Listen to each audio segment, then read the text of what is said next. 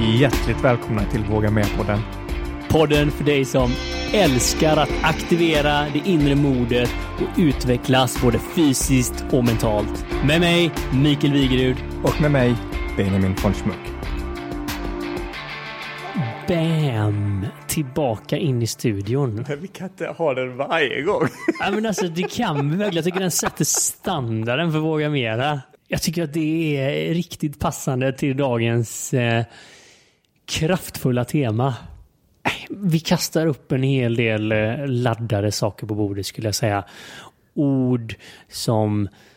Eh, jag kommer spara det ena till dig Benjamin, för jag tycker det är roligare när du säger det. Men det är ord som uppvaknande, kraftig förändring och vad då? Spiritualitet. Spirulina. eller- Efter andra omtagningen, för första så blev det en sån här riktig tungvricka med spiritualius, spiritualenius. Men Det är ju ett svårt ord att säga och det är ett svårt ord faktiskt att veta vad det är tror jag också. Och eh, kanske inget vi använder så vanligt. Så det ska vi ju ändå sätta spotlighten mot idag. det här behöver ju ett samtal. Vi kanske inte tycker samma. Men efter samtalet så är vi i alla fall mycket mer berikade. Och det är ju det vi vill med den här podden. Att lära oss att utforska och att tillsammans kunna få fler nycklar till att våga mer och till att växa både som person men också med det lyssna. Så med det sagt så har vi ett väldigt spännande samtal med många av de här stora orden, begreppen som vi idag ska få utforska med Andy. Äh, vad säger du? Kör vi. Nu kör vi.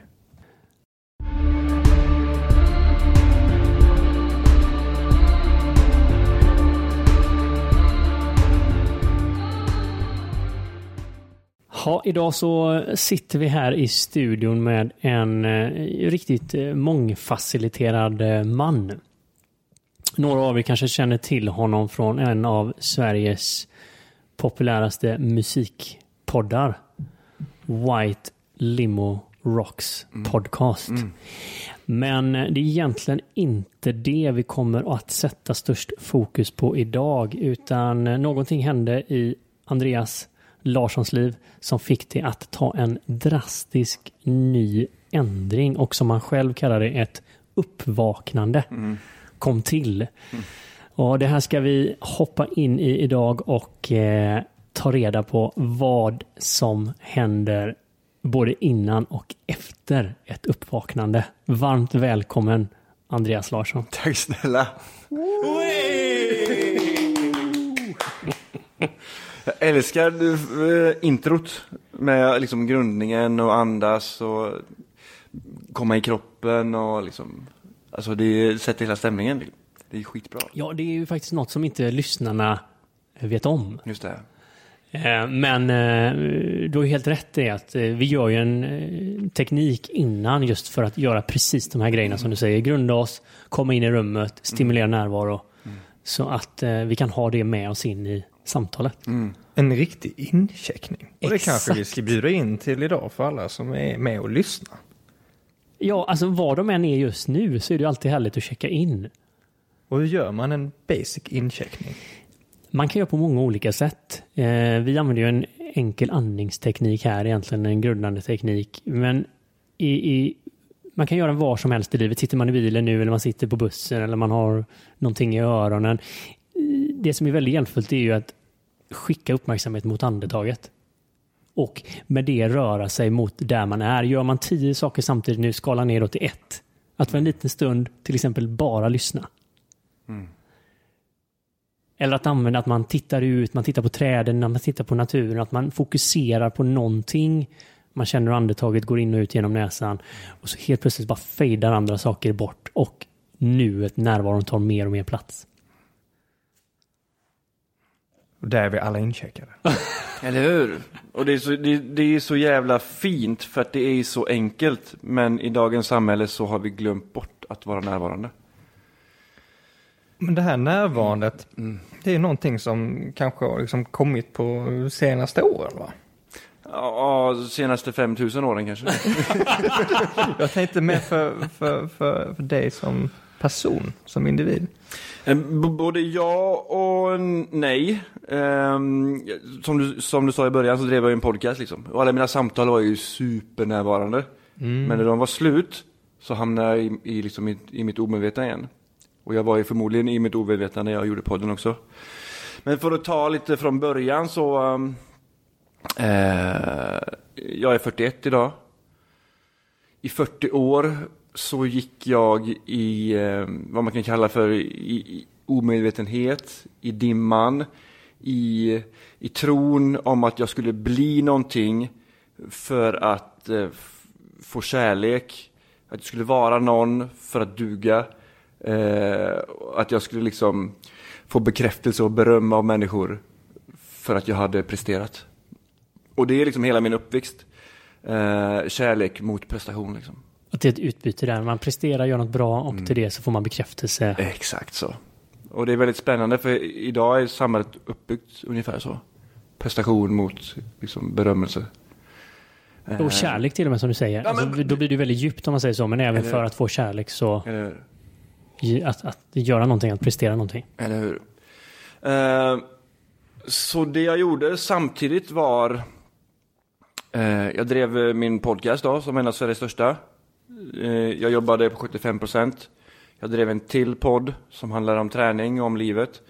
Jag tränade eh, crossfit fem dagar i veckan. Jag coachade crossfit. Jag har en dotter och jag var gift. Um, blir man inte utmattad av att höra det här så vet jag inte vad. Du la på den sista och jag var gift. Så tänkte jag, är det här, är det, är det här Innan tyckte vi så här, fan det här lät rätt soft och sen bara, pooh, that was tough man. Och den är ju så här, för det kan ju vara gift på det sättet att det är dränerande. Så kan det vara tvärtom gift att man får avlastning. Man får... Nej men definitivt, och, men det är väl jag ville komma med det, att jag hade ett förhållande liksom. Som behövdes ta, tas hand om. Jajamän. Det är ju faktiskt väldigt viktigt att alla relationer på något sätt arbetas med också. Eller hur? Men det tar ju tid, kraft, energi. Eller hur? Men jag valde att, att lägga tiden på att bli någon istället. Och det gick ut över allting. Eh, och, och, och främst gick jag ut över mig själv för att jag blev arg. Alltså jag blev så jävla arg liksom inombords. Och det är en ilska som jag har med mig från barndomen. För jag minns, jag håller på att skriva en bok nu också. Eh, som, som handlar om, om liksom det psykologiska blivandet. Eh, hur närvaro förändrar ens liv. Hur man ska vara medveten. Vad stress gör med kroppen. Hur du lever ditt liv som du vill. Eh, hur du lär dig sätta gränser. Eh, spiritualitet, vad jag tycker och tänker om det är. Jag ifrågasätter allt. Alltså jag ifrågasätter även den store Sigmund Freud liksom. Eh, och alla liksom frågor och alla, ja, som vi får idag liksom. För jag startade, nu, jag gick en KBT-utbildning precis. Ehm, och den sista frågan jag fick där var, vilka är dina konkurrenter? Hur ser du på din konkurrens och vad gör dig unik? Uh, och mitt svar var, för fan, kom igen. Vad är vi fortfarande där? Alltså den som, det som gör dig unik är att du är du. Ingen annan är du. Det är bara du som är du. Och sen att du gör samma sak som någon annan, det är väl fine. För att du gör det på ditt sätt. Och det gör ingen annan liksom. Och sen det här med konkurrensen. Och även när jag gick, eh, för jag är även utbildad personlig tränare. När jag gick den här eh, linjen då så fick jag samma fråga liksom. Vad är det som gör ditt företag unikt och vad är din konkurrens? Alltså för det första liksom, varför ska det vara konkurrens i att hjälpa människor? Kan vi inte bara samarbeta liksom? Det, är- det är så jävla enkelt. Och sen kommer inte alla människor dras till mig, eller dig då, om du också är personlig tränare. Alltså människor kommer söka de som man känner så här, ah, den här personen dras jag till. Jag vet inte varför, men jag gör det. Och det kommer, liksom, det kommer bli en jämn fördelning där. Så att konkurrera inom liksom, att hjälpa människor, det, det är bara en stor bluff. Det, det, är så, det är så konstigt. Att man ens ska liksom börja där. Kan man inte börja i så här, okej, du har en yogastudio, jag jobbar med personlig utveckling. Hur kan vi väx- utväxlas där liksom? Hur kan vi hjälpa varandra att växa i det? Men istället är allting uppbyggt på konkurrens liksom. Vem gör bäst skor? Krig, Ja, men, Drama. ja du vet, vem har störst bomber liksom? slott, prinsessor, drakar. Nej, men så är det ju. Det här är man ju väldigt eh, tränad i så att säga. Men om vi backar bandet lite grann. Eh, innan vi kommer in här på vad vi kan göra för avtryck i världen och eh, som du säger hjälpa människor. Så tänker jag, eh, du har indikerat lite kort, men på ganska kort tid så eh, har mycket saker förändrats i ditt liv. Eh, och eh, precis som du pratar om uppvaknandet då. Var det någonting som triggade det här? Ehm, april förra året så hände ju pandemin då. Eh, och det medför att jag förlorade mitt jobb. Jag jobbade på ett hotell. Lagade personalmat till, till alla i personalen. Uh, jättehärligt jobb, verkligen. Bestämde mina egna tider och gjorde vad jag ville och sådär. Ehm, och jag och jobb har ju varit ganska, en, en ganska kort kärleksrelation eh, efter jag, jag har jobbat i restaurangbranschen i 20 år liksom. Har varit kock och drivit restaurang och sådär. ja, ni hör ju själva. Ja. jag har gjort så mycket saker. Ehm, och så två veckor efter det då, så var min pappa blev dålig. Han hade inopererade i liksom mekaniska hjärtklaffar som skulle vara livet ut. Men under de senaste åren då, eller senaste året så hade han blivit väldigt dålig och fått jättemycket mediciner och fått epilepsianfall från ingenstans och du vet, ätit mer mediciner mot biverkningar från mediciner han redan fick. Det var ingen som vet vad han hade liksom. Eh, och då åkte han in på sjukhus och så låg han där i, i någon slags karantän liksom för covid. Eh, och sen så insåg, då, insåg läkaren att de måste operera nu liksom. Nu. Och då gjorde de det. Men på vägen till operationen eh, så fick han ett epilepsianfall och, och dog. Så de hann inte komma dit liksom. Um, så det, bara det är ju tungt liksom. Och sen så var okej, förlorat jobb, min pappa gick hastigt bort. Och jag pratade med han eh, kvällen innan på Facetime. Liksom, så här. Han bara, det är lugnt, allting kommer gå jättebra. Det är ingenting att oroa sig för, vi hörs snart. Liksom. Men det gjorde vi inte. Ehm, eller vi har ju hörts efter det, men ja, vi kan ta det sen. och sen två veckor senare då, så står jag på gymmet och tränar. Um, och får ett samtal från min mamma. Uh, som säger att hon är hemma hos mig. Uh, och att min fru då packar sina väskor, kommer ta våran dotter och ansöka om skilsmässa. Uh, och i det så, um, så hände det någonting. I, och i, liksom i 40 år har jag ju tryckt undan mina känslor. Jag har inte gråtit på 40 år. Liksom. Inte ens på min, min farfars begravning, inte ens när min mormor gick bort. Alltså ingenting. Jag bara så här, mm, bara svalt och svalt och svalt. Liksom. Det är inte tufft att gråta. Liksom. Det är, man är inte man om man inte gråter. Eller man gråter. Liksom. Det är, eh, och haft alla de här trosystemen med mig då, som, som, som jag trodde var min sanning. Eh, men eh, jag vet inte riktigt vad som hände. Det var ett tillstånd mellan total, total sorg, total, total panik, total liksom förvirring. Ehm, och i det så var det någonting som så här, som bara skiftade. Och jag bara såg, jag såg hela mitt liv framför mig, 40 år liksom. Och att det bara var en illusion. Att jag har kämpat och levt för någonting som inte ens är viktigt. Att det, det liksom inte ens finns. Och det, det är så konstigt att se tillbaka på att jag har gjort det. För att nu vet jag ju att allting är skapat av en tanke. Och att jag har tänkt de här tankarna, identifierat mig med tankarna, identifierat mig med min kropp, mitt jobb, min podd, du vet, min träning. Och, och sen på, på ett ögonblick med knäppa fingret bara, så finns inte det där. För jag, har, jag genomskådar illusionen liksom. Och i det så, ja, så vaknar jag upp då och börjar liksom revidera mitt liv på nytt. Jag, vet, jag skalade bort allting, jag slutade. Det enda som jag gjorde var att, och tränade och vara med min dotter. Så jag, jag tog bort min podd, eller båda poddar. Jag tog bort umgås med vänner, jag, vet, jag reviderade vad jag åt till frukost. Ja, Jag äter gröt till frukost, varför gör jag Ja, det? men här börjar en, en, en kraftig förändring helt enkelt. Eller hur?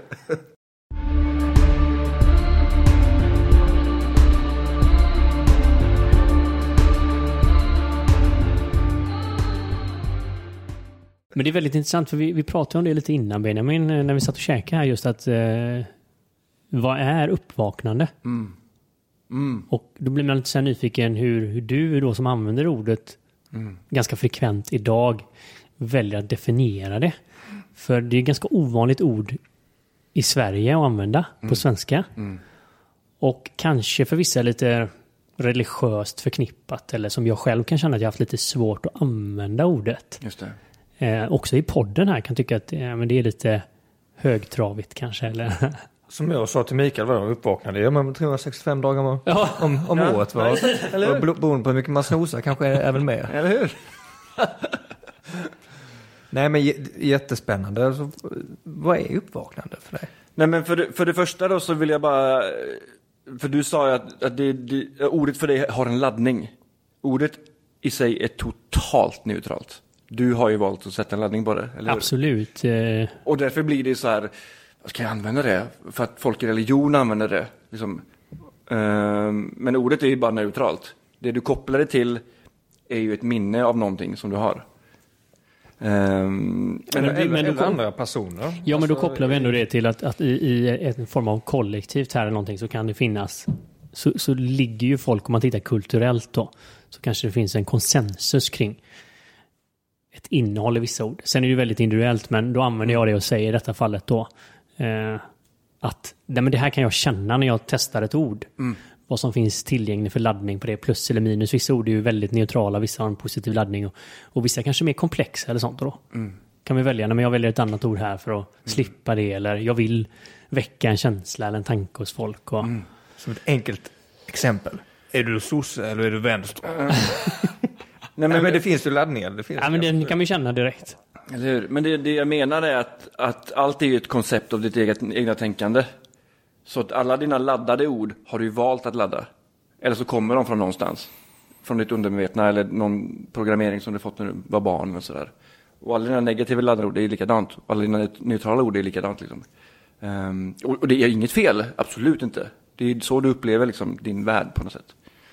Ehm, men förlåt, vad var frågan? Frågan är vad, vad det är för någonting. För dig. Nej, men för, för mig är det ju att, eh, att se att livet har fler vägar än den man tror är den rätta. För, det, för vad är rätt och fel? Vem bestämmer vad som är rätt och fel? Det som är rätt för dig är inte rätt för mig. Ehm, och att se att liksom att samhällets, familjens, vänners press um, är inte din sanning. Att, att göra det man själv mår bra av. Till exempel, jag skulle vilja åka till Peru. Varför gör jag inte det? Nej, men just det, morsan sa att det kommer vara dyrt och det kommer ta lång tid. Och, och därför gör jag inte det. Men vad då? åk till Peru liksom. Det spelar väl ingen roll. För eh, ett uppvaknande är, är för mig att liksom stå i sin egna, egna kraft. Liksom. Var den man är. Se på vad man tänker, tycker och tror och vart det kommer ifrån. Är det här verkligen mitt? Gillar jag att åka spårvagn? Nej, jag hatar ju det. Ja, varför gör jag det? Ja, det kanske var någon som sa att det är bra att åka spårvagn en gång. Och så har det blivit min sanning liksom. Och sen ser jag inte att man behöver revidera allting. Men, men att lyfta på saker och titta på saker är väldigt nyttigt. Och det kan vara så att du, eh, att du älskar att göra de här sakerna fortfarande. Du behöver inte byta ut någonting. Alltså, du kanske älskar att äta thaimat på onsdagar. Gör det. Skitbra. Men det är bara för att du älskar att göra det. Alltså, ett uppvaknande är för mig att vara mer sig själv och mycket, mycket mindre än någon annan. Det är... Där, där finns det mycket man kan gå in på och säga, men jag vill bara så här på något sätt konstatera, ett, ett uppvaknande, ett typ av fulländat stadie, eller är det en start på någonting för dig? Det är allt. Det är en livslång process skulle jag vilja säga. Um, för, för där i, när jag förändrades då, så skedde väl en stora förändring liksom med mig. Men sen längs vägens gång har jag liksom återupptäckt delar av mig själv. Såsom förlåtelse. Jag vet inte riktigt vad kärlek är. Och det pratar jag med min tjej om idag liksom. Bara så här, du jag har aldrig upplevt riktig kärlek. Jag vet inte riktigt vad det är för något. Och så här, och med, hon känns ju fantastiskt bra. Liksom. Jag älskar henne överallt annat eh, på hela jorden. Liksom. Men mina, för att ta ett exempel av mina andra förhållanden har varit att jag har gått in i förhållandet och så har varit att det är en så, det är sån sjuk passion liksom. I två månader. Och sen liksom fejdar den ut sådär. Och sen blir det vad man kallar för vardag. Bara, är det kärlek? Eller är det bara någon, något sjukligt bekräftelsebehov liksom? På att den andra personen ska se mig för att jag tror att inte jag är hel. Men med dig blir jag hel. Till en början. Till en början. Precis. Medan, medan helhet då bara är en känsla. Det är någonting som man tror att man inte är. Medan vi alla vi är hela liksom. Vi behöver inget externt för att bekräfta att vi är redan hela. Är du med? Och det är det som blir så fel i, i, liksom, i det ex externa sökandet. Eh, låt oss ta ett exempel till. Jag var på Tinder innan jag träffade Anna liksom. Och då, många skriver så här, jag längtar efter den här mannen eller kvinnan som kan ta mig med storm bara. Det finns ingen jävel som kommer ta dig med storm. Du får ta dig med storm själv. Alltså du behöver vara din egna stormtagare, du behöver vara din egna kärlekspartner, du behöver vara din egna lärare, du behöver vara din egna cheerleader. Det finns ingen som kommer göra det åt dig liksom. Man behöver ta ansvar för sitt liv. Och därmed då vakna upp från illusionen att någon annan där ute ska göra saker åt dig. Men det är väldigt jobbigt. Det kommer ju väldigt mycket strålkastare på sig själv. Ja, Vadå ansvar? herregud. Kan inte den här eh, kvinnan eller mannen komma på vita hästen istället då? Det är det jag menar. Det är så mycket enklare. Du vet. Jag har ju sett på Hollywoodfilmerna hur det är. Eller Lever lycklig alla sina dagar. Eller hur? Just have to slay the dragon. Nej men det är så lätt att, att ta bort ansvaret från sig själv. Alltså det är så jävla lätt. Jag, som jag sa då, jag, jag skriver en bok liksom. Ehm, och i den här boken har jag med en del om egot. Väldigt många spirituella lärare säger att, ehm, att vi har ett ego, eller alla säger det. Vi har ett ego, säger de. Vissa säger att, att vi ska göra motstånd mot egot, vissa säger att vi ska älska egot. Jag säger att vi har inget ego. Alltså vem har bestämt att vi ska ha ett ego? Vem har bestämt att vi ska vara separerade? Att ha en del inom oss som är separerad från oss själva? Gör inte det oss på något sätt halva? Eller så här 75 procent liksom? Eller 92 eller vad fan egot nu kan ta för, för procentsats. Medan jag, jag hävdar ju att allting är en undermedveten tanke, liksom. en rädsla från början. Det finns inget ego. Och i det då så menar jag på att man så här, om någon säger någonting som de inte menade och så här, ja ah, men det var mitt ego som sa det. Så skyller man på någonting annat än att ta ansvar för sig själv. För man är hel. Man är inte någon del av sig själv. Det finns inget så här, men det finns inget ego. Det, det, det kommer ifrån Sigmund Freud som beskrev olika delar av ens psyke då. Jaget och överjaget och sådär. Och det har resonerat med många människor som har tagit med sig det här. Men jag tror inte på det. För jag ifrågasätter det väldigt starkt. Att varför ska det finnas en del i oss som vi kan skylla på? Eller varför ska det finnas en del i oss som, som, som gör saker som inte vi själva vill? Där tycker jag faller ganska naturligt att det finns inom människor. Att agera själviskt. Vad är bäst för mig? Vad är bäst Men för min familj? själviskt då? Att man på något sätt tar någonting från någon annan eller reserverar någon typ av resurs. Kan vara att okej, det finns, eh, finns bara en buss som ska täcka nu när hela tåget står stilla. Och nästa tåg kommer imorgon. Så att ni som inte tar den här bussen, ni eh, får försöka över, övernatta här någonstans mitt ute på vischan. Just det. Jag, jag tror att det är ett exempel där det blir väldigt många som blir väldigt blir lite egoistiska. liksom stressade här nästan. De det måste blir trycka sig in genom dörrarna. armbågar även för svensken. Ja, men- Toarullarna håller på att ta slut här. Vad fan, ja, lika bra att ta så många som möjligt. Eller hur? Men jag, jag, jag, jag förstår vart det kommer ifrån. Men urs, är inte ursprunget från den då en känsla och en rädsla? Fan, det kommer ingen mer buss. Jag måste hem. För jag, om, jag inte, om jag stannar här så kommer jag få sova här och det vill jag inte. Absolut, det tror jag. Definitivt. Sen så har man väl valt att omfamna den biten, de- de känslorna med det här typen av ordet. Man försöker beskriva det. Jag kommer ihåg när vi försökte prata om kärlek, Mikael. liksom hur svårt det är att prata om vissa av de här bestämmelserna för vad man tror att det är. Ja. Ja, men det, det är ett intressant ord. Jag, jag tycker det är så roligt med hur ord har laddning eller inte. Mm. Och, och kärlek är ju ett sånt ord som varit uppe i podden några gånger innan. Mm. Eh, och som alltid är eh, svårt att prata om. Mm. Eh, skulle jag säga. Eh, det, det vill jag nog ändå påstå eh, för många. Mm. Framförallt i manliga sammanhang. Mm. Mm. Eh, och att det är ju oerhört så här relationsförknippat. Och Mm. vi skojar lite här om Hollywoodfilmerna, men att det ska vara så här ensidig kärlek och en kärlek och sånt. Då. Men om man tittar på, på vad det är egentligen och hur vi skulle kunna ha det mer i sex, livet. Allt möjligt. Jag tror oftast är det svåraste att hålla en konversation när folk har olika bild på vad det är man pratar om. Och, och jag tror det är just därför som just kärlek. Det kanske inte är svårt att man pratar om det, men man kanske pratar om det utifrån helt olika syn på vad det är för någonting. Ja, men kanske autentiskt också. Alltså på, på riktigt, vad betyder det? Till exempel som du säger, alltså, men jag har levt i 40 år och aldrig upplevt kärlek. Mm. Det är ju ingenting som kanske känns sådär jättekul att erkänna för sig själv. Jag tycker det är skitspännande. Ja, men innan du tyckte det så har du flytt från det i 40 år, eller hur? Ja, ja. Så liksom, Ja, ja. nu är du på andra sidan. Ja, absolut. Men man kan ju förstå varför man håller sig borta från en sån sak. Mm. För att det är ju lite smärtsamt att sitta där och...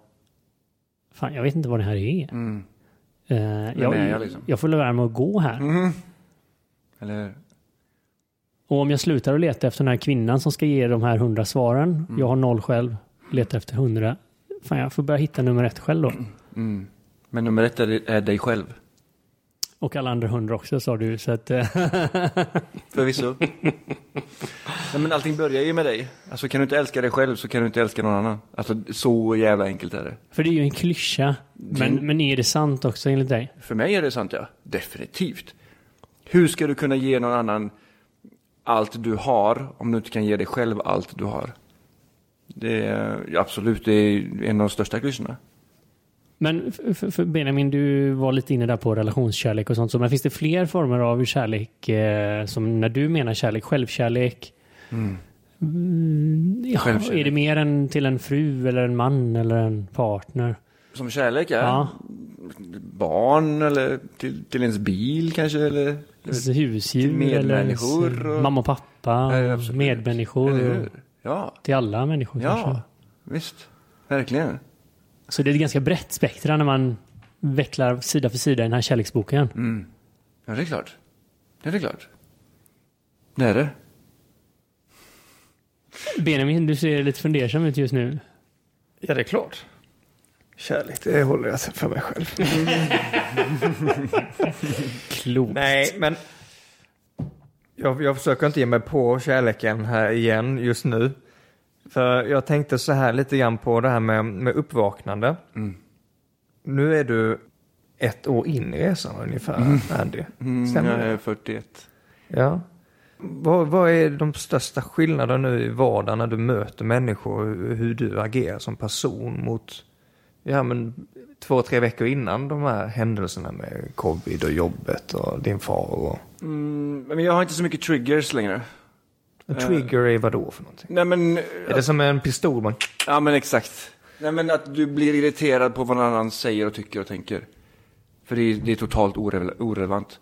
För det är, alltså, för att ta det tvärtom då, jag har mer acceptans för människor. Okej.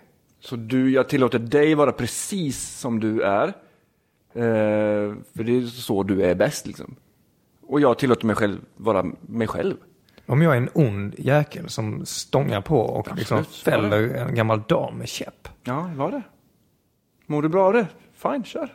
Där har vi nog lite oskiljaktigheter, men ja. Jag kanske kommer säga till dig. Ja. Men jag kommer ju inte försöka ändra på dig.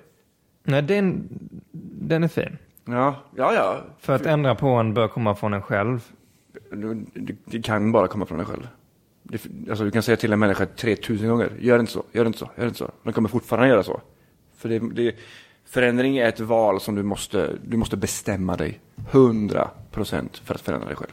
Annars sker inte det. Det är, mm. Men pre- precis. Så triggers var en grej som... eh, Nej men låt oss säga att, att det, det står ett par och så pratar de på, på gymmet till exempel. och de snackar om eh, något som är aktuellt. Covid till exempel. Och så överhör jag det. Och så blir jag förbannad för jag håller inte med dem liksom. Men det är ju skitsamma. Det är ju det är deras syn på vad de tror är sin sanning. Det är inte min sanning. Varför ska jag bli upphetsad över det? Alltså det är ju skitsamma. Liksom. För alla kommer in med sin egna verklighet. Alltså alltid. Från sin egna liksom, synvinkel och från sina egna liksom, tankar och barndom. Och man filtrerar sitt liv genom, genom det man varit med om, om man inte är liksom, närvarande i, i livet. Liksom. Um, och det är också en väldigt fin grej att prata om. Um, det här med det undermedvetna. För att 95 procent av vår vakna vardag så styrs vi av ett program som är då vårt undermedvetna program. Um, och när du är från 0 till 7 år, eh, vid 7 års ålder så börjar du liksom ditt intellekt, eh, du börjar kunna så här avgöra vad som är rätt och fel för dig. Liksom. Eh, men när du, är, när du är 0 till 7 år ungefär så filtrerar du allt som är svamp. Det betyder att ditt liv egentligen baseras på det du hör och ser och tar in från där du är 0 till 7 år. Sen kommer det komma in massa under livets gång och sådär såklart. Men där i ligger de största delarna.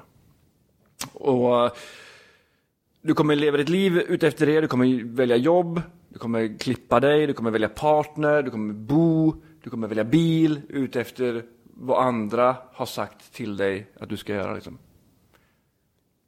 Du kommer vara reaktiv och du kommer liksom ha dina, dina värderingar och, och tro på det. För att det är det du har blivit tillsagd att tro på. Hur var det här innan? Du sa, att, du sa ju tidigare att du hade en hel del triggers innan och var Mm. aggressiv. Ja, herregud, jag hade ilska liksom. Jag var mörk. För du är stor och stark och... Ja. ja. Tatuering. Och du var mörk också. Alltså. Du var rätt läskig då. Alltså, byggde du din person kring en eh, viss form av tuffhet också och attityd? Eller hur hängde det här ihop? Nej men det, alltså, eh, ja, jag ville ju vara någon. Och den som, den någon gick ju på ett speciellt sätt, den uppförde sig på ett speciellt sätt. Den var, den personligheten var ju på ett speciellt sätt liksom. Ehm, så ja, men jag var inte arg hela tiden. Jag var mest arg i mina förhållanden liksom. Ja, var det där det tog sig ut Det eh, var mest? där det fick utlopp liksom. Ja. Och det, det är så jävla sämst liksom. Men hur blir det då? Bråkar man? Ja, Alltså... bråkar. Jag kunde ju triggas liksom av att det låg bestick i diskhon liksom. För att jag hade lärt mig att det ska ligga i diskmaskinen. Eller det ska diskas med en gång. Det var min sanning jag kom in med. Ja. Och då i- identifierar jag mig med mina tankar där. Och så spann jag vidare på det liksom. Och det bildades, alltså jag skapade, alltså man skapar sin egna värld.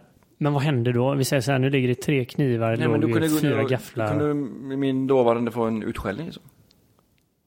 And it was on. Och, och det här är ju så här, för, för nu finns det en medvetenhet kring det när du beskriver detta. Mm. Men då blir det automatiskt, du såg de här, blev förbannad. Ja.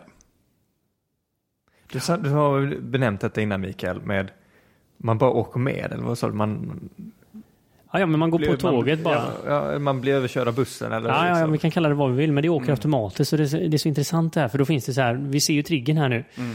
Två gafflar, en kniv i diskon. Mm. Automatiskt är du på väg till undervåningen och skälla ut din fru. Mm. Det finns ju ingen spaciness. Alltså nu när du säger så att du har släppt alla människor fria och folk får ha sina åsikter och får vara vem fan de vill. Mm. Redan där kan man känna att det skapas lite space. Har man bara några millisekunder där och hinner kanske ta den mikrosekunden och så man titta på de här besticken. Okej, vad har jag för alternativ här? Mm. Skälla ut kan vara ett, men det kanske finns x antal till. Och då hade man ju kunnat välja. Någon gång kanske man ändå väljer, men jag går ner och höjer rösten lite, för det kan vara viktigt här för en förändring. Men i 25 andra tillfällen kanske man skulle välja en annan metod. För att ofta så vet man att konsekvenserna av den här reaktiva metoden är kanske inte riktigt som man önskar. Mm. För jag vet inte, hur blir det sen för dig? Liksom, blir det någon besk eftersmak? eh, Eller hur? N- nej, för jag var så djupt inne i mig själv att det, det var mitt sätt som gällde. Ja, Så det, nej, det blev inte det. utan det här var det rätta. Ja, precis. Eller den beska eftersmaken blev ju att hon lämnade mig. Men det var ganska lång, många bestick senare. Ja, det var det ju. Det var, det var ett, ett, två år kanske. Ja, Två år senare. Och det är jättetragiskt. Och det är jättesynd. Men också att jag aldrig skulle varit i det förhållandet från början. Så det var tur också kanske? Eh, både ja och nej. För att jag tror ju på att där du är idag är där du ska vara. Och allt som har lett upp fram till att jag sitter här idag med er härliga grabbar eh, sker ju av en anledning. Liksom. Jag har ju utvecklats som fan av det här. Och det hade jag inte gjort om inte det här hade hänt. Då hade jag inte suttit här med er idag. Och då hade jag inte skrivit en bok. Och då kanske jag varit ännu argare. Jag kanske, du vet, ja, jag vet inte vad men. Crossfit övergick till kickboxing. Ja, men typ på stan liksom. Ja, nej men det är väl många som går den vägen också där.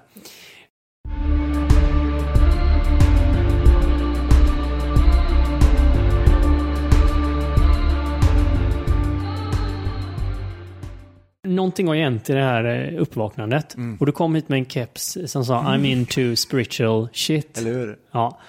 Och eh, på tal om ord, jag tycker att det är lite roligt. I, i Sverige faktiskt, i det svenska samhället, så är ju spirituellt är ju någonting som inte får kanske så mycket plats. Och fortfarande inte pratas om så mycket, även om det bubblar lite i underjorden och många människor just nu är intresserade.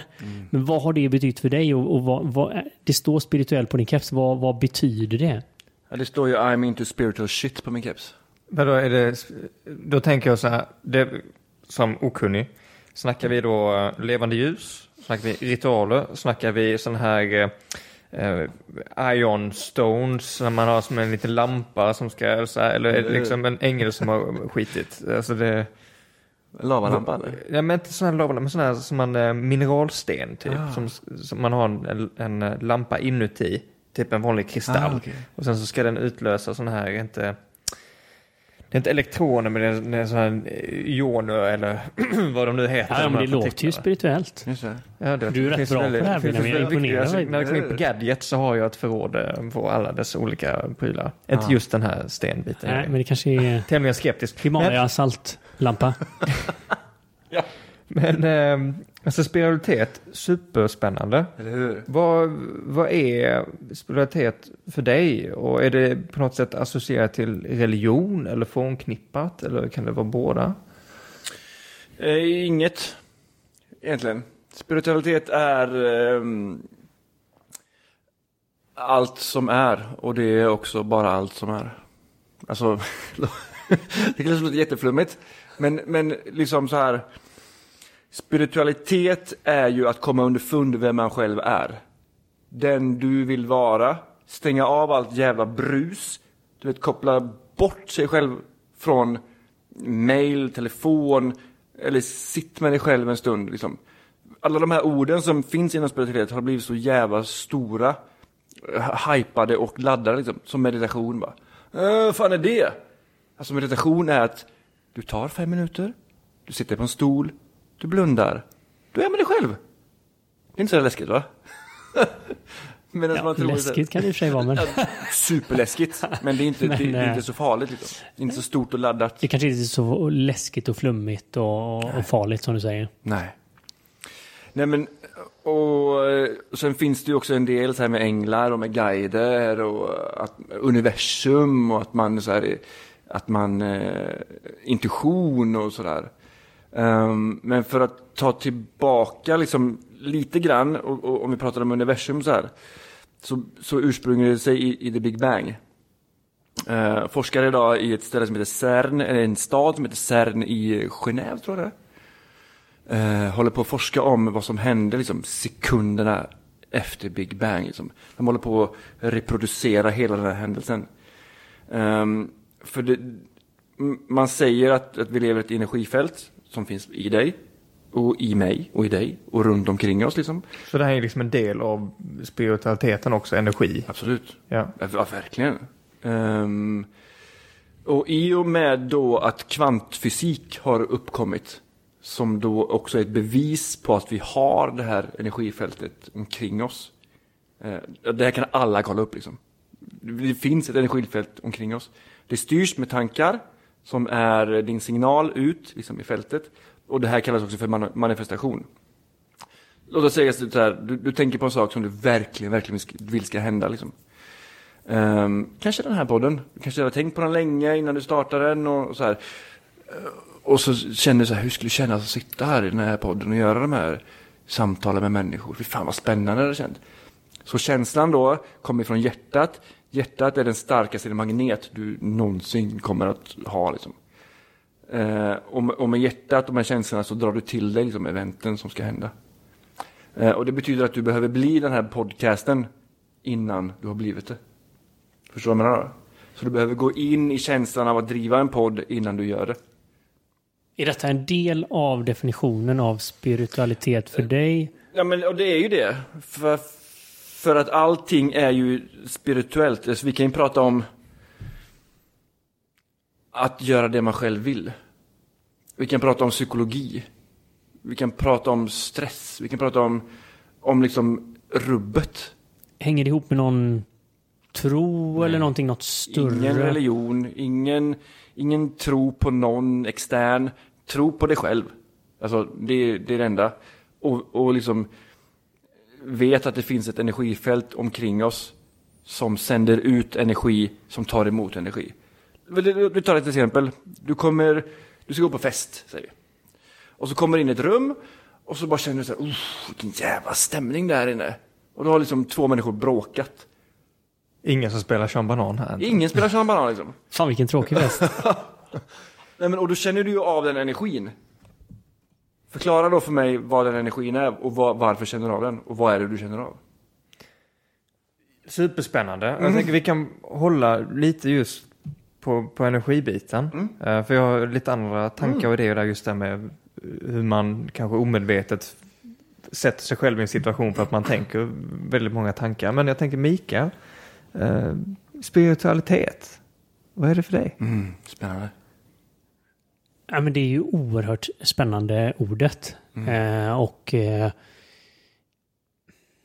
vi, vi har varit inne och nosat på vissa bitar, men det som slog mig under ert eh, samtal här, det, och när jag tittar på vad jag själv hade i mitt liv innan jag tog in en djupare spirituell dimension och vad jag har efter, så är det givetvis en ökad förståelse ja, men kring, kring hur universum hänger ihop och det kvantfysiska perspektivet med energier eller egentligen samma från det yogiska perspektivet. Men det är också min relation till någonting större. Det skulle jag säga och det är en fin bit som jag tycker att alla religioner har. Och eh, på det sättet kan jag säga att jag är allreligiös. Eh, egentligen kanske mer än till det som vi har skapat. Där vi har tagit bort allting i samhället. Och det har blivit så himla mekaniskt och konsumtionsdrivet. Och jag tror mycket av meningslösheten man upplever är i avsaknaden att förstå ens egna koppling till universum och till någonting större. För att nästan allting du interagerar med, det är svårt att se kopplingen till hur det här gl- glaset som jag har vatten i på bordet kom till. Eller eh, Ja, det är lättare att tänka, är det ett riktigt exklusivt eh, glas från Costa Boda, eh, då är det ett bra glas. Men jag Annars är att det ett, kommer från ett sand någonstans som har någonstans dit och värmts upp någonstans och sen en process. Och man är så frånkopplad från naturen. Är det det vi... Frånkopplat från naturen tycker jag är en jätteviktig sak. Alltså det är första gången det finns människor som inte lever med naturen. Att vi typ skulle kunna hitta tio pers på stan som, de behöver inte veta vilken årstid det är. Alltså det påverkar dem typ inte. Det är klart att där så får vi ett inre lidande. Och eh, med kopplingen bort från naturen så har vi också liksom kopplat bort oss från hur hela det här systemet fungerar. Och där vill jag påstå att en stor del av den här meningslösheten som kanske uttar sig i stress och utbrändhet och sånt. Men som du har sagt lite här innan att det döljer sig andra saker bakom. Alltid. Och för mig har det varit en viktig sak att kunna titta upp mot månen en kväll eller titta upp mot en soluppgång och kunna möta den så magisk som den är. Jag gjorde ju det innan också, men jag kunde inte dra någonting från den upplevelsen. För att jag hade blivit begränsad i vad jag kunde dra ut från den stunden. Just det. Alltså att kunna liksom öppna upp det här nu, att bara stå i avund och titta på soluppgången. Det är för mig spirituellt. Wow. Fint. Men också, också personlig utveckling är spirituellt. Ja, absolut. Det är svårt att göra autentisk och riktig personlig utveckling utan att ha någon form av spirituell koppling till det. omöjligt skulle jag säga. Men, men man kan ändå göra framsteg givetvis. Mm. Nej, men och också att vi lever i samma universum. Vi lever på samma jordglob. Vi ser samma himmel liksom. Och varför skulle vi inte liksom vara enade då? Nej, men är det ett energifält som kvantfysikerna säger så är ju allting samma. Så på Precis. en nivå så är det ett. Alltså, man pratar om yogan inom alltså ett och dualiteten. Mm. Och man måste bejaka båda. Men tittar man på Advaita då pratar man om att det är bara en och så blir det så här alltid ett. Och ja, men vi är också separata. Vi är också Mikael, Benjamin och Andy. Självklart. Så va? Paus. Ja, ja. Kan vi ta det en gång till? Nu ska vi säga, jag är ett, ett i alla. Nu, nu, nu, nu är det många tankar här för Benjamin som sitter här och liksom så här, okej. Jag- Kvantfysik bara, ja det har jag studerat men på helt andra grunder. Inte på så här, det har mer varit på ja, partikelgeneratorer. Nu ska vi säga. Vi hade två stycken stora namn som kom in här Mikael. Och sen så jag, kan, kan vi ta det, Men jag ta tror, det att vi kan, eh, där? jag tror att vi kan hålla det väldigt enkelt egentligen. Och så kan man tänka så här. Men Jag tror att den mekaniska, liksom, Newton har ju satt en stor prägel på hur vi ser på saker och ting. Och den är väldigt mekanisk eh, i sin syn. Och tänker man att vi är som en bil kanske. Och det går att ta av hjulet och då är inte hjulen på bilen längre.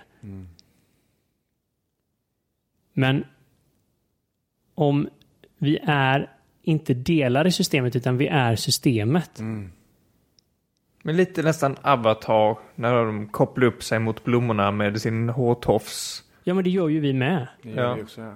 Men Kan man säga att det är någon typ av beskrivning av det, att allting är sammanlänkat? Det illustreras ju lite grann för mig som lekman i Ja, men tänk dig filmen. Matrix. Tänk dig att du är med i filmen Matrix. Liksom. Här får du ett piller av mig. Rött eller blått. Tar du det, nu minns jag inte riktigt vilket det är. Jag tror är, om du tar det röda pillret. Så kommer du få veta sanningen. Men det är också allt som finns.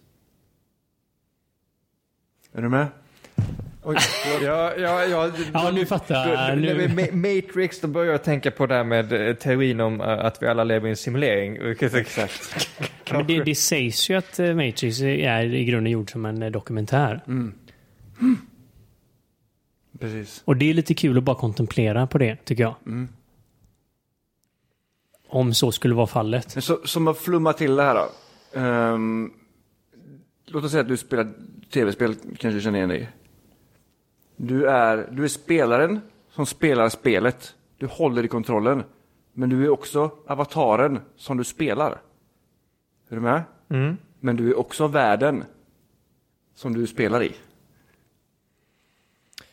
Jag tror det. Jag tror jag är med. Ehm, med, en, med en viss skepticism, och för att vara ärlig också. Ah, bra, Ehm. jättebra. Men är det inte det här som är det lite häftiga med den här storleken av frågor? Alltså frågor som har en spirituell laddning. Det är ju kanske inte alltid svaret som är det viktiga, utan det är ju utforskandet av den som blir så himla spännande. Och att bara tillåta sig att göra det. Det skulle jag säga i, i ett liv, eller mitt egna liv där jag hade låg grad av spiritualitet, så hade jag också väldigt lite tid som jag ens funderade på någonting större. Och där kan man kanske på ett enkelt sätt närma sig. Alltså jag tror att mänskligheten innan har alltid haft en avund av det här stora komplexa. Tittar man på alla eh, ja, men tittar man på vikingarna och vad de kunde och visste här om naturen och universum så är det helt fascinerande. Och så någonstans sitter vi här. Hur många minuter av dina 40 år spenderar du på någonting större? Ja, inte många. Inte många. Min sanning var att du kommer bli galen om, om du tänker de frågorna. Ja, och det tror jag det finns en stor rädsla Sitter vi här för. galna allihopa? Jo, men det är kanske någon som tycker de har helt tappat det nu grabbarna. Ja, men, och det må vara fine alltså, men jag tror så här att det är, det är ett måste. Och det är det jag menar, stå i din egna sanning liksom. Berätta vad du tror på.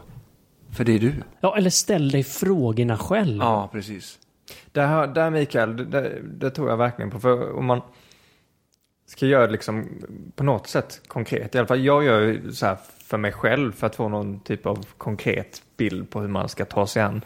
Så här, allt från de små till de stora grejerna. Speciellt när det kommer till ja, men, modern och gammal filosofi och så här. på något sätt så känns det som att man, man har så lätt att inte behöva tänka de tankarna idag. Det är precis som om man åker förbi en busskö man ser 12-åringar eller 11-åringar eller yngre personer. Alla står alltid på något sätt uppkopplade mot någonting. Det är aldrig folk som bara är och har tråkigt. För att det, det finns så mycket man kan konsumera hela, hela tiden. Um, och jag tror att det är det här med att, att avsätta tid, vilket man förr kanske var tvingad till, för man var tvungen att vänta på någonting. Eller att ja, någon har klippt kabeln så vi har inga tv-kanaler nu på två veckor innan någon har kommit och, hit och fixat det. Eller det har blivit en översvämning så vi har ingen el på tre veckor. Um, och jag tror att det är väl främst det att man, man ägnade tid, man ägnar de tankarna åt, åt eh, inte bara problemen, liksom, och tvärtom. Vad, vad, vad är ens bild i det här? Vad är ens bidragande till någonting större? Eller tvärtom, är det någonting större som man själv är, bi, är bi, har bidragit till? Ja, men du är inne på något väldigt vackert där. Eh, För det är klart att vi, varje människa, vi är ju en del av detta och vi har ju också ett bidrag, ett unikt bidrag hit. Men det är klart att om man aldrig har gett en sekund till det så är det ju svårt att veta vad det är. Då är man ju kanske mest något för att ens pappa var det eller för att en lärare i mellanstadiet sa att man skulle vara det. Eller... Alltså, har man inte kontakt med, som du varit inne lite på, intuition eller ens inre kompass.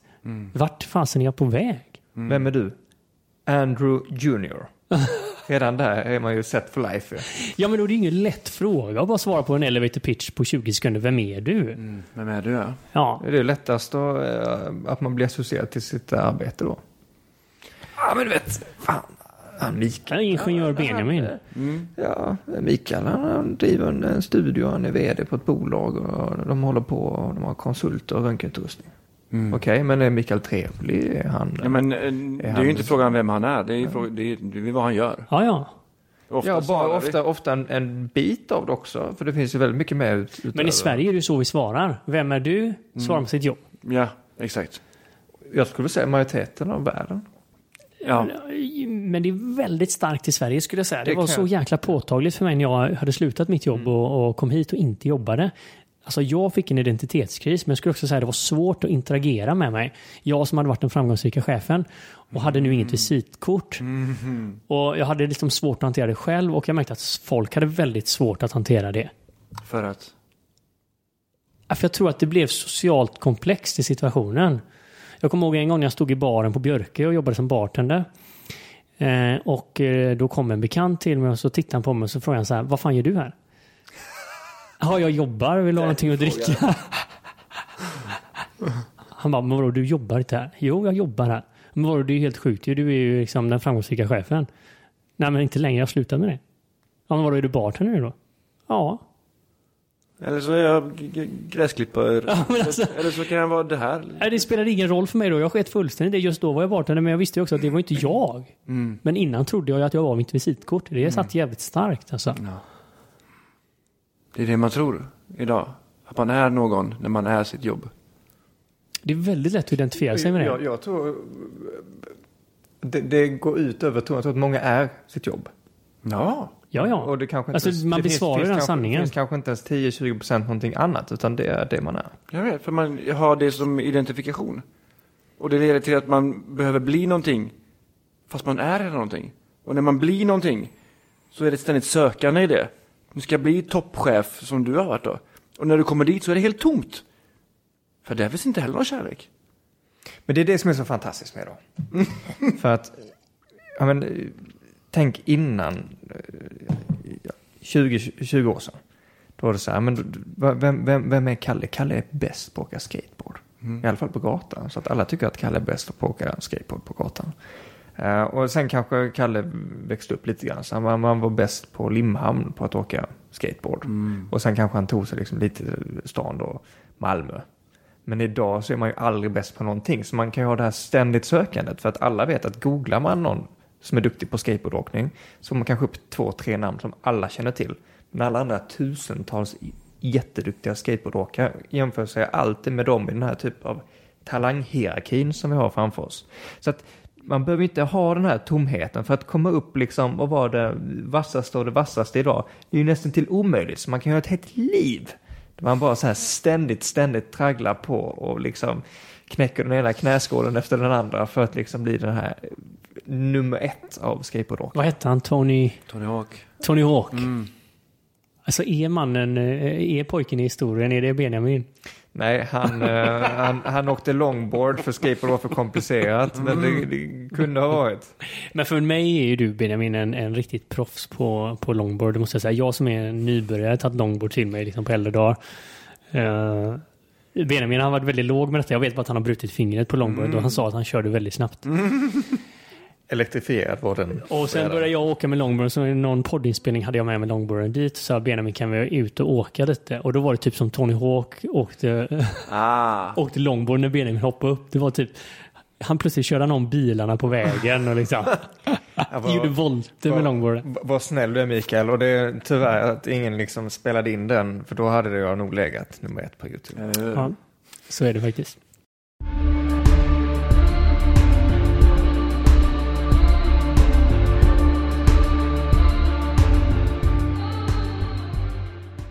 Det känns som att man jobbar, och vi jobbar här för att ta bort den här prestigen för att ligga som den här ständigt sökande till att man ska bli bäst på något. Ja, men jakten på lycka är ett luftslott.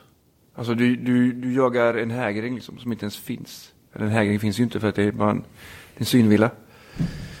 För när du väl kommer till den här vd-posten då, så kommer du känna likadant som när du jagade. Därav, man måste älska sig själv. Och det, det finns ett väldigt fint, eh, kanske klyschigt, men att man, man, ska, man ska inte älska målet, utan man ska älska vägen. Mm, precis. Exakt. Och det låter kanske så här, men det är, jag tycker det är relevant, även om man sitter på ett, ett, jobb och man jobbar i projektform eller någonting, att bara ta sig igenom dag för dag, för att någon gång avsluta projektet är inte så jäkla kul. Men att känna att man har riktigt goda kollegor, man hanterar spännande, intressanta Ja, problem och att det är det som driver en. Och sen så någonstans så är man klar med det, när man är klar med det. Då är det något annat. Ja, det, blir ett mäktigt, det blir ett mäktigt skifte. Ja, Det är inte en transportsträcka till det här ultimate goal. precis. För det ultimate goal är liksom allting. Alltså, för du är närvarande i det du gör nu. Målet är bara en, jaha, ja, ja. Ja, men det är ju nice. Det är ju kul att fira segrar Absolut. och kul att vara framgångsrik och göra bra. Alltså, det vore ju synd att inte vilja göra grymt. det måste man Alltså det vi gör också. ska vi göra svinbra. Det är klart som fan. Men man missar ju det, man missar det lilla. Vi missar som, ju som, allt. som är det stora. Exakt. De, de stora händelserna i livet, de är ganska få. Men det är, det är de vi strävar efter. Medan så här, sitta och dricka i, i kaffe i den här goda koppen med koffeinfritt, det är ju asgott. Och sitta här med, det är ju svinnice liksom. Det här ska vi fira tycker jag. Eller du vet, åka hem 45 minuter till skogen och lyssna på Bon Jovi. Bara, yeah! Vilken låt ska du lyssna på? Uh, nej men Bed of Roses hela jävla vägen. Bara, wanna lay you down. och bara sitta och sjunga. Ah! The bed of roses, det låter inte jätteskönt om man tar det bokstavligt. Men Nej. låten är grym. Den låten är fantastiskt fin. Nej, men jag tror att alla kan känna den faktiskt. Man får nästan lite rysningar och bara kör max eh, i bilen. Ja. Men om man känner att man vill komma igång med det här nu. Alltså det här kom ju i smärtsamt till dig om man säger ditt uppvaknande. Går det att göra det här på något annat sätt om man känner sig inspirerad och vill komma igång och röra sig i en ny riktning i livet? Absolut. Jag anser ju att närvaro är nyckel nummer ett. Och det är många som har svårt med att vara närvarande. För man vet inte vad man, hur man ska göra. Så närvaro kräver en sak av dig och det är din energi. Så för att hela din dag liksom går du är eh, drivs av ditt undermedvetna och det kräver ingen energi för att du har gjort det så länge. Liksom. Eh, så, så för att vara närvarande är liksom lika med att ha fokus på någonting. Alltså, står du och diskar till exempel, ha fokus på att du diskar. Bara det. Sen kan tankar komma upp liksom. Ja, låt dem komma upp. Men du behöver inte liksom lägga någon värdering i det. Så det, det, det är ett stort steg. Um, och sen att liksom söka i sig själv och då menar jag inte så här, känna efter vad är det jag vill. Vad är det jag vill? Vad gör jag idag som jag inte vill göra? Och ta bort det liksom, från livet. För att komma närmare dig själv. För att leva ett liv som du vill leva. Så där skulle jag ha börjat. Ja, Jag, kommer att tänka på Andreas på Lilla Sur. Han hade en sån jäkla grym, uh, grymt verktyg just det här för att känna den här kopplingen. Och, den, ha- han hade fått den av Carola. Och det var ett stoppljus. Ja, ni vet, rött, gult och grönt.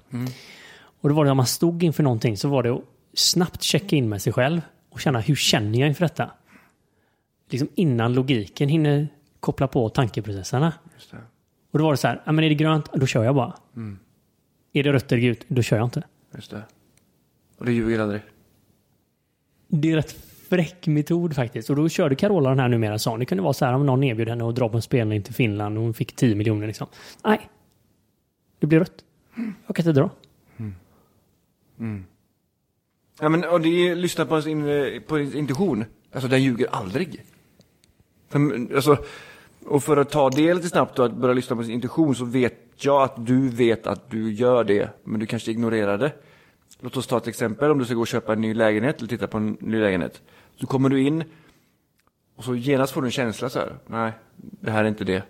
Lyssna på den, för den, Men den det, stämmer. hyran är ju inte så hög. Ja, men precis. Alltså området är ganska schysst. Ja, alltså, ganska och schysst. Man ska ju bygga lite bredvid och då kanske öppna upp en mål så att marknadsvärdet kanske kommer gå upp 20 procent över fyra Ja, men års det, tid. du har fortfarande den här känslan att det, det är något Men det måste det vara bra. Det måste vara bra. Kom igen Det nu! måste vara bra. Det måste vara bra. Ja, men det är riktigt fina tips tycker jag. Eh, Jag gissar att du har läst en hel del och eh, haft stöd av olika. Skulle du, finns det några böcker som du skulle vilja tipsa våra lyssnare med? Eh, ja, Eckart Tolle, Lev livet fullt ut, heter den. Eh, fan vad fin den är alltså. alltså. Och sen så vill jag tipsa om eh, Becoming Supernatural med eh, Joe Dispenza. Ja. ja, det räcker så. Det här är en riktigt bra... en riktigt god godbit så att säga. Eller hur? Alltså herregud, jättebra. Becoming supernatural. Mm. Det är som en superkraft. Vi är superkrafter, vi har superkraft. Vi har bara glömt bort att vi har det. Eller så tror vi inte på det. För att vem är jag att göra det här? Du vet. Vi nedvärderar oss själva och pratar ner om oss själva och, och sådär. Och, och det vi glömmer bort är att, liksom att allt, allt är bara en tanke. Ett, en, en mening, eller det du säger är en förlängning av den tanken. Så det du tänker om dig själv och det du säger om dig själv, var väldigt, väldigt uppmärksam om det. För det kommer defini- definiera din personlighet och det kommer definiera din personliga verklighet. Att börja att läsa Eckart Tolles eh, bok Lev Power livet fullt now. ut. Ja. Eller The Power of Now. Var det den du tänkte? Ja, det, det, det, det, det, det är samma bok. Ja, just den heter Lev livet fullt ut på svenska va? Precis. The Power of Now. Okej, för den har jag faktiskt hört, den engelska titeln. Ja. Och eh, sen när man är klar med den, då har man en helt annan syn på närvaro och vad det innebär. Eller hur? Eller hur? Och då kan man ju till exempel hoppa in i ditt andra tips där med Joe Dispenser och eh, vad heter den? Supernatural. Becoming supernatural. Becoming Och Supernatural. sen kan man köpa min bok när den kommer ut också. Nummer tre. Mm? Det ser vi fram emot sjukt mycket. Om man vill eh, innan den finns tillgänglig på Amazon och marknaden så att säga. Mm, Vad kan man hitta mer om dig? Eh, jag finns på min hemsida som är uppvaknandet.nu. Jag finns på min Instagram-sida som är uppvaknandet.nu. Och vill du mejla mig så mejlar du mig på andy.uppvaknandet.nu. Vakna upp. Det är skönt att vi känner oss väldigt vakna här idag. Alltså. Det måste vara kaffet. Ja, det måste vara det koffeinfria kaffet faktiskt. Jag får tacka farsan, han har sponsrat med koffeinfritt kaffe. Oh, Fint. han valde Skånerost. Vilken hjälte. Eh, och vi tackar ödmjukast för att du ville komma till eh, Våga Mera-podden. Du, tack snälla att jag fick komma. Tack.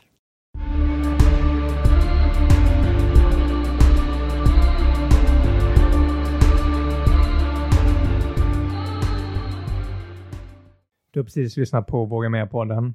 Med mig, Benjamin. Och med mig, Mikael. Vill du höra mer av oss så måste ni ju såklart prenumerera på podden. Och det gör ni genom att ni klickar i den här klockikonen där poddar finns. Det brukar vara som en, en liten, liten, liten ikon. Så se till att ni hittar den så är ni med nästa avsnitt och nästa igen och nästa igen och nästa igen och ni är alltid uppdaterade. Och är det en sak som vi verkligen tycker om i Våga Mera-podden så är det ju att vi tillsammans engagerar oss. Så in på våra sociala kanaler, kommentera, dela och inspirera varandra. ha en magisk vecka till nästa gång så syns vi snart igen.